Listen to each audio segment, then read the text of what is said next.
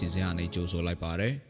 2023ခုနှစ်စက်တင်ဘာလ25ရက်နေ့ဒီနေ့ကျွန်တော်တင်ဆက်မယ့်အစီအစဉ်မှာတော့ပြည်သက်တွေစိတ်ဝင်စားဖွယ်မွန်ပြည်နယ်သတင်းပြည်တွင်းသတင်းနဲ့အာဆီယံသတင်းသတင်းပေးပို့ချက်ပြည်သူတွေသိထားတဲ့နိုင်စဉ်ကုန်စည်နှုန်းသတင်းချို့တွေကိုစီစဉ်ပထမပိုင်းမှာရွေးချယ်တင်ပြပေးသွားမှာဖြစ်ပါတယ်ဒါပြင်မြန်မာနိုင်ငံရေးပြည်ထနာအတွင်းပါဝင်နေသူတွေကိုယ်တိုင်ပြည်ထနာဖြည့်ရှင်ရန်လိုအပ်တဲ့ဆိုတဲ့သတင်းပေးပို့ချက်ကိုလည်းတင်ဆက်ပေးပါဦးမယ်။ ဟောပါဒီနေ့အစီအစဉ်မူကတော့ကျွန်တော်အာကာအတောင်ယူတော့မှာဖြစ်ပြီးကျွန်တော်နဲ့အတူစိုက်ထောကသတင်းတွေကိုကူညီတင်ဆက်ပေးတော့မှာပါနားဆင်နေကြတဲ့ပရိသတ်အားလုံးကိုမင်္ဂလာပါလို့နှောက်ခွန်းဆက်တာပါစေ။ကျွန်မမိစိတ်ထောကသတင်းတွေကိုကူညီတင်ဆက်ပေးတော့မှာပါ။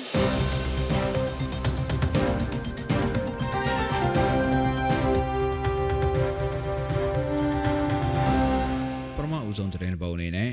ရမယတပ်ဖွဲ့တာဝန်ခံနိုင်ချမ်းမနေ့မနေ့ပိုင်းဟာတနင်္လာရီတိုင်းဒေသကြီးရေဖြူမြို့နယ်အလဲစခန်းနဲ့တဲချောင်းကြားကြီးရွာကြားမှာချောင်းမြောင်းပစ်တက်ခံရတယ်လို့သိရပါဗျ။နိုင်ချမ်းဟာဆိုင်ကယ်နဲ့တဲချောင်းကြီးရွာဘက်ကနေအလဲစခန်းကြီးရွာကိုမောင်းနှင်လာစဉ်လမ်းမှာချောင်းမြောင်းပစ်တက်ခံရပြီးနေရာမှာပဲတေဆုံးသွားခဲ့တာဖြစ်ပါတယ်။ပြီးခဲ့တဲ့မေလအတွင်းကလည်းနိုင်ချမ်းနဲ့တပ်ဖွဲ့ဝင်တအူးတို့ဆိုင်ကယ်နဲ့ဈေးဝယ်ထွက်လာချိန်ရေမြို့နယ်မယောင်ကြီးရွာအနီးမှာချောင်းမြောင်းပစ်ခတ်ခံခဲ့ရပါသေးတယ်။ အဲ့ဒီပြစ်ခတ်ခံရမှုဖြစ်စဉ်အတွင်းနိုင်ချမ်းထိခိုက်မှုမရှိခဲ့ပေမဲ့သူနဲ့အတူလိုက်ပါလာတဲ့တပ်ဖွဲ့ဝင်တေဆုံးသွားတယ်လို့ညမညာတပ်ဖွဲ့ကထုတ်ပြန်ထားပါတယ်။နိုင်ချန်ဦးဆောင်တဲ့ညမညာတပ်ဖွဲ့ဟာရေးမြို့နယ်နဲ့တနင်္လာရီတိုင်းနယ်စပ်တခြားလှောက်ရှားနေတဲ့အဖွဲ့တစ်ဖွဲ့လည်းဖြစ်ပါတယ်ခင်ဗျာ။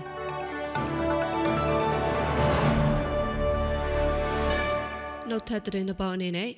ကရင်ပြည်နယ်ကြောင်တုံမြို့နယ်ကရင်မျိုးသားစီယောင် KNU ဒုပလာရခရိုင် နောင်တလာကျေးရွာမှာစစ်ကောင်စီတပ်ပစ်ခတ်တဲ့လက်နက်ကြီးကြီးထိမှန်ပြီးအမျိုးသားတဦးသေဆုံးခဲ့ပါတယ်။ကြောင်တူမြို့နယ်စာကခဆက်နှစ်လက်အောက်ခံတက်တဲ့အမြောက်ကောင်းကနေတနေ့ကမနက်ပိုင်းမှာကြောင်တူမြို့နယ်နောင်တလာချေရွာတွင်ကို120မမလက်နက်ကြီးနဲ့ရန်တမ်းပစ်ခတ်ခဲ့တာပါလက်နက်ကြီးကြီးကြားရောက်ပောက်ကွဲမှုကြောင့်နောင်တလာချေရွာနယ်အသက်30ရွာစော့ကီတို့လပင်းကြီးထိမှန်တန်ရနဲ့တေဆောင်သွားခဲ့တယ်လို့ KMU ကဆိုပါတယ် ကျုံသူမျိုးနဲ့တောင်ကြားအင်ကြီးရွာစာတင်ကျောင်းမှာတပ်ဆွာထားတဲ့စစ်ကောင်စီတပ်ရင်တွေနဲ့ကရင်မျိုးသားကာကွယ်ရေးတပ်ဖွဲ့ KNDO တပ်ပြင်းချောက်တော်လန်ရေးပူပေါင်းတပ်ဖွဲ့တွေကြားစစ်ရေးတင်းမာနေပြီးစစ်ကောင်စီဘက်က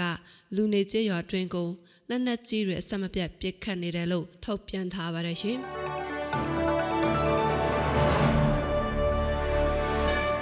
နောက်ထပ်သတင်းပေါ်အနေနဲ့ပြည်ပရောက်မြန်မာနိုင်ငံသားတွေရဲ့ဝင်ငွေတွေထဲက10ရာခိုင်နှုန်းကိုဝင်ငွေခွန်စားတင်ကောက်ခံသွားတော့မယ်လို့စစ်ကောင်စီကထုတ်ပြန်ကြေညာလိုက်ပါတယ်။စစ်ကောင်စီဥက္ကဋ္ဌကိုယ်တိုင်ပြင်ဆင်ထုတ်ပြန်တဲ့2023ခုနှစ်ပြည်ထောင်စုအခွန်အကောက်ဥပဒေအရအောက်တိုဘာ1ရက်နေ့ကစပြီးပြည်ပရောက်မြန်မာနိုင်ငံသားတွေဝင်ငွေခွန်ပေးဆောင်ရမှာဖြစ်ပါတယ်။ပြည်ပရောက်မြန်မာနိုင်ငံသားတိုင်းဟာသက်ဆိုင်ရာနိုင်ငံအားသတ်မှတ်ထားတဲ့ဝင်ငွေခွန်ကိုပေးရတဲ့အပြင်နိုင်ငံသားတွေရဲ့ရရှိထားတဲ့ဝင်ငွေရဲ့10ရာခိုင်နှုန်းပေးရမှာဖြစ်ပါတယ်။ 2012ရာစပြီးပြည်ပရောက်မြန်မာနိုင်ငံသားတွေကိုဝင်ငွေခွန်ကင်းလွတ်ခွင့်ပေးတာဖြစ်ပြီးအခုပြန်လည်ကောက်ခံတော့မှာဖြစ်ပါတယ်ခင်ဗျာ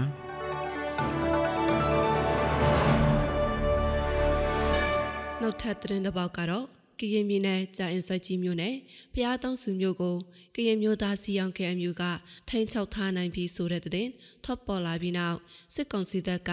မြို့ပေါ်အနှံ့လုံခြုံရေးဆောင်ရွက်လာတဲ့အပြင်စစ်ဆေးမှုလည်းတင်းကျပ်လာတယ်လို့မြို့ခံတွေကဆိုပါတယ်။ဖျားတောင်းစုမြို့ကို KMU ကထိန်းချုပ်ထားနိုင်ပြီးအောက်ချောရေးလုပ်ငန်းတွေစတင်နေပြီလို့သတင်းတွေထွက်ပေါ်ပြီးနောက်နေ့ကစလို့မြို့ပေါ်မှာစစ်ကောင်စီတပ်ကအခုလိုလှုပ်ဆောင်လာတာဖြစ်ပါတယ်။ စစ်ကောင်စီတပ်ရဲ PGN အား30ကျော်ရှိတဲ့ဖွဲ့ကမြို့အနှံ့ရက်ခွက်တွင်တဲ့အထိနေရောညပါကင်းလှန်နေပြီးစစ်ဆေးနေတာလို့ဖျားတောင်းစုမြို့ခံတို့ကပြောပါတယ်။ဖျားတောင်းစုမြို့ပေါ်ရှိစစ်ကောင်စီဌာနဆိုင်ရာရောင်းတွေနဲ့ရဲစခန်းကို KMA ဘူပေါင်းတပ်ဖွဲ့ကအခုနှစ်စံပိုင်းတွင်ဝင်ရောက်တိုက်ခိုက်မိရှုခိုက်ပြီးနောက်ပိုင်းမြို့ပေါ်မှာစစ်ကောင်စီအောက်ချုပ်ရေးရန်တရားမလက်ပတ်နိုင်တော့တာလို့ဆိုပါတယ်။ အခုလိုချင်နေကြောက်ဖះတောင်းစုမျိုးမှာတိုက်ပွဲတွေဖြစ်ပေါ်လာမှာကိုလည်းဖះတောင်းစုမျိုးခံတွေကစိုးရိမ်နေကြပါတယ်ရှင်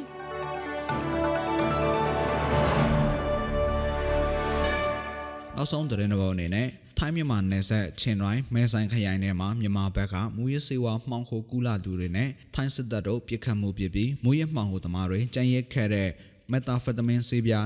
225ကီလိုဂရမ်နီးပါးကိုထိုင်းစစ်တပ်ကတင်စီရမိခဲ့တယ်လို့ထိုင်း PBS World သတင်းမှာမနေ့ကဖော်ပြပါရယ်။မူရစေဝါနှိမ်နှင်းရေးစစ်စီရေးအတွက်ထိုင်းစစ်တပ်ကကင်းလှည့်နေချိန်မှာမြန်မာနိုင်ငံသား10ဦးဟာထိုင်းမြန်မာနယ်စပ်မြေကိုဖျက်ကျော်ဝင်ရောက်ခဲ့တယ်လို့ဆိုပါရယ်။သူတို့ထိုင်းစစ်တပ်ကစစ်ဆေးဖို့ကြိုးစားရမှာအစစ်ဆေးမခံပဲပြန်လည်ပြစ်ခတ်ခဲ့တယ်လို့ထိုင်းစစ်တပ်ရဲ့ပြောဆိုချက်ကိုကိုးကားပြီးသတင်းမှာဖော်ပြထားပါတယ်။ 9မိနစ်ကြာအပြန်အလှန်ပြစ်ခတ်ခဲ့ပြီးအဲ့ဒီလက်နက်ကင်တွေမြန်မာနိုင်ငံဘက်ကိုထွက်ပြေးဝင်ရောက်သွားခဲ့တာကြောင့်ထိုင်းစစ်တပ်ကနယ်မြေရှင်းလင်းရေးဆောင်ရွက်ရမှာ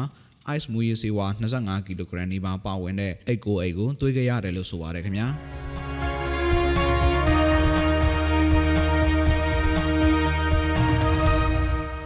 ဆက်လက်ပြီးတော့ပြည်သူတွေတည်ထားတဲ့နေ့စဉ်ကောင်းစင်ထောင်တဲ့တချို့ကိုမော်လမြိုင်ကောင်စီတိုင်းကအချက်လက်တွေကိုခြေခံပြီးတင်ဆက်ပေးပါအောင်မယ်။ နေ့ထိုင်းနဲ့မြန်မာငွေလဲနှောင်းကတော့ထိုင်းဘတ်62.56ဝယ်ဆေးရှိပြီးတော့ရောင်းဈေးက63.3ရှိနေပါတယ်။ဒေါ်လာဈေးကတော့အမေရိကန်ဒေါ်လာကိုဝယ်ဈေးမြန်မာငွေ3330ရှိပြီးရောင်းဈေးကတော့3380ရှိပါတယ်။ရွှေဈေးနှောင်းကမီလင်း16ပဲရေတစ်ကြက်သားကိုအပြင်ပေါက်ဈေး35သိန်းဝန်းကျင်မှာရှိနေပါတယ်။ 73စီတွေကတော့ဒီဇယ်တလီတာကို2585ကျပ်အောက်တိန်62တလီတာကို2290နဲ့65တလီတာကို2395ထိရှိနေတာပါစံစင်ထောင်တွေကတော့ရွှေဘိုပေါ်ဆန်24ပြည့်တိုက်ကိုစံကောင်တဲ့တင်ကတသိန်း2500ကျပ်ရှိပြီးအပြင်ပေါက်စေကတသိန်း4500ကျပ် ပေါ်ကျွမ်း24ပြည့်တိုက်ကိုစံကောင်တဲ့တင်က9900ကျပ်ရှိပြီးအပြင်ပေါက်စေတသိန်း1000ကျပ်ရှိနေတာပါ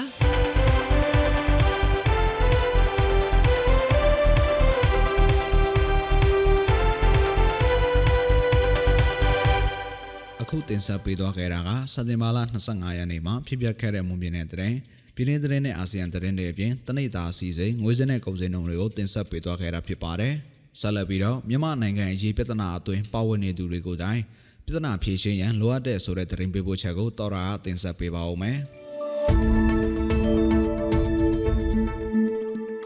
မြန်မာနိုင်ငံရေးပြဿနာကိုဖြေရှင်းဖို့သက်ဆိုင်တဲ့အဖွဲ့အစည်းတွေကိုတိုင်ဖြေရှင်းဖို့လိုအပ်တယ်လို့ပြည်သူ့လွှတ်တော်ကိုယ်စားလှယ်ဟောင်းဥပရှိန်ကပြောပါရယ်လက်ရှိတော်လှန်ရေးကိုစတင်ခဲ့ပြီးနောက်ဘလို့ဆက်လက်လှုပ်ရှားမယ်ဆိုတာကိုမသိသေးကြောင်းပြဿနာဖြေရှင်းရေးမှာလည်းအဲ့ဒီအဖွဲ့အစည်းအပေါ်မူတည်တယ်လို့သူကဆိုပါရယ် နယူးဒေါ်လာကြီးကိုဖြည့်ရှင်းဖို့ကြာနယူးဒေါ်လာကြီးကိုဘယ်သူကစားလောက်တာတော့အတူနယူးဒေါ်လာကြီးကိုလောက်တဲ့လူတွေသူတို့ကသူရဲ့ destination ကဘာလဲသူတို့ destination ကိုဘယ်လိုသွားမလဲရိုးသုံးကားနဲ့နယူးဒေါ်လာကြီးလို့ထားអော်တာလားအဲ့ဒါတွေကလည်းကိုယ့်အကိုတေးချာ classify လုပ်ပြီးတော့နိုင်ငံရေးအရာတကယ်ဖြတ်တတ်မယ်ဆိုလို့ရှိရင်အစီအစဉ်ချပြီးတော့လောက်တာဆိုလို့ရှိရင်တော့သူတို့မှာစီစဉ်လေးရှိမှာပေါ့ကွာ ဟိုနွေဦးဒေါ်လာရေးဆိုတာလဲနွေဦးဒေါ်လာရေးကိုဘလူတွေကစပြီးတော့လုံဆော်လိုက်တယ်ဒါမှမဟုတ်လည်းစပြီးတော့တတိတီးပေးလိုက်တယ်အဲ့ဒီလူတွေမှာဒီကိစ္စတွေကိုသူတို့ကပြောကြတယ်အဲ့ဒါအရေးကြီးရပဲ2023ခုနှစ်ဖေဖော်ဝါရီလ3ရက်နေ့ကမြန်မာစစ်တပ်က NLD အစိုးရကိုဖျောက်ချပြီးနောက်အာဏာသိမ်းလိုက်တာကြောင့်စစ်ကောင်စီကိုပြန်လည်ဖျောက်ချနိုင်ရေးဒီမိုကရေစီအင်အားစုတွေကຫນွေဥတော်လှန်ရေးကိုဆင်နွှဲခဲ့ကြပါတယ်။ အဲ့ဒီတဲ့နဲ့ကင်ပฏิပခါမှာနှစ်နှစ်ကျော်လာသည့်တိုင်ပြည်လဲနိုင်ခြင်းမရှိသေးပဲတိုင်းပြည်မှာအကြက်သေးတွေနဲ့ရင်ဆိုင်နေရပါတယ်။မြန်မာနိုင်ငံရေးပြဿနာကိုဖြေရှင်းရမှာ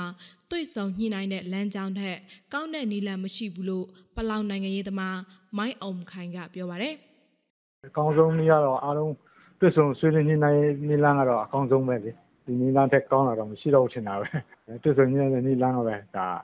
ငင်းငယ်ရေးကိုတွန်းနိုင်တဲ့လမ်းကြောင်းပဲဖြစ်တယ်။ အဓိကတော့ ကျွန်တော်တို့ ပြည်ပြည်ရင်းမှာရှိတဲ့ အင်အားစုတွေက စုပေါင်းမှ ညီညွတ်တဲ့အားလုံးတောင်းဆိုကြမယ်ဆိုရင်တော့ဒါရနိုင်မယ်လို့တော့ ကျွန်တော်တို့ မြင်တာပေါ့ဗျာဟုတ်ပြည်သူနိုင်ငံရေးကို ဖြည့်ရှင်ဖို့ ပြည်တွင်းရှိ နိုင်ငံရေးအင်အားစု အဖွဲ့အစည်းအချို့ အာဆီယံ ကုလသမဂ္ဂ အပါအဝင် နိုင်ငံတကာက ကြိုးပမ်းလျက်ရှိနေပါတယ်။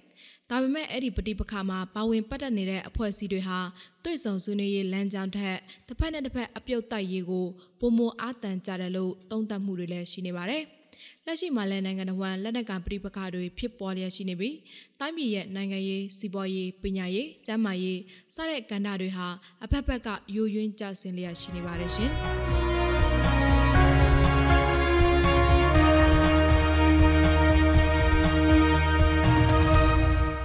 ကျွန်တော်ရဲ့မွန်လန်းမြန်မာပေါ့ကတ်စီစဉ်ဒီမှာတင်ပြီးဆုံးပါပြီ။နားဆင်ကြတဲ့ပရိသတ်အားလုံးကိုနောက်နေ့စီစဉ်တွေမှာဆက်လက်အားပေးကြပါအောင်လို့ဖိတ်ခေါ်ရင်းအစီအစဉ်ကိုအဆုံးသတ်ပါရစေ။အားလုံးကိုကျေးဇူးတင်ပါတယ်ခင်ဗျာ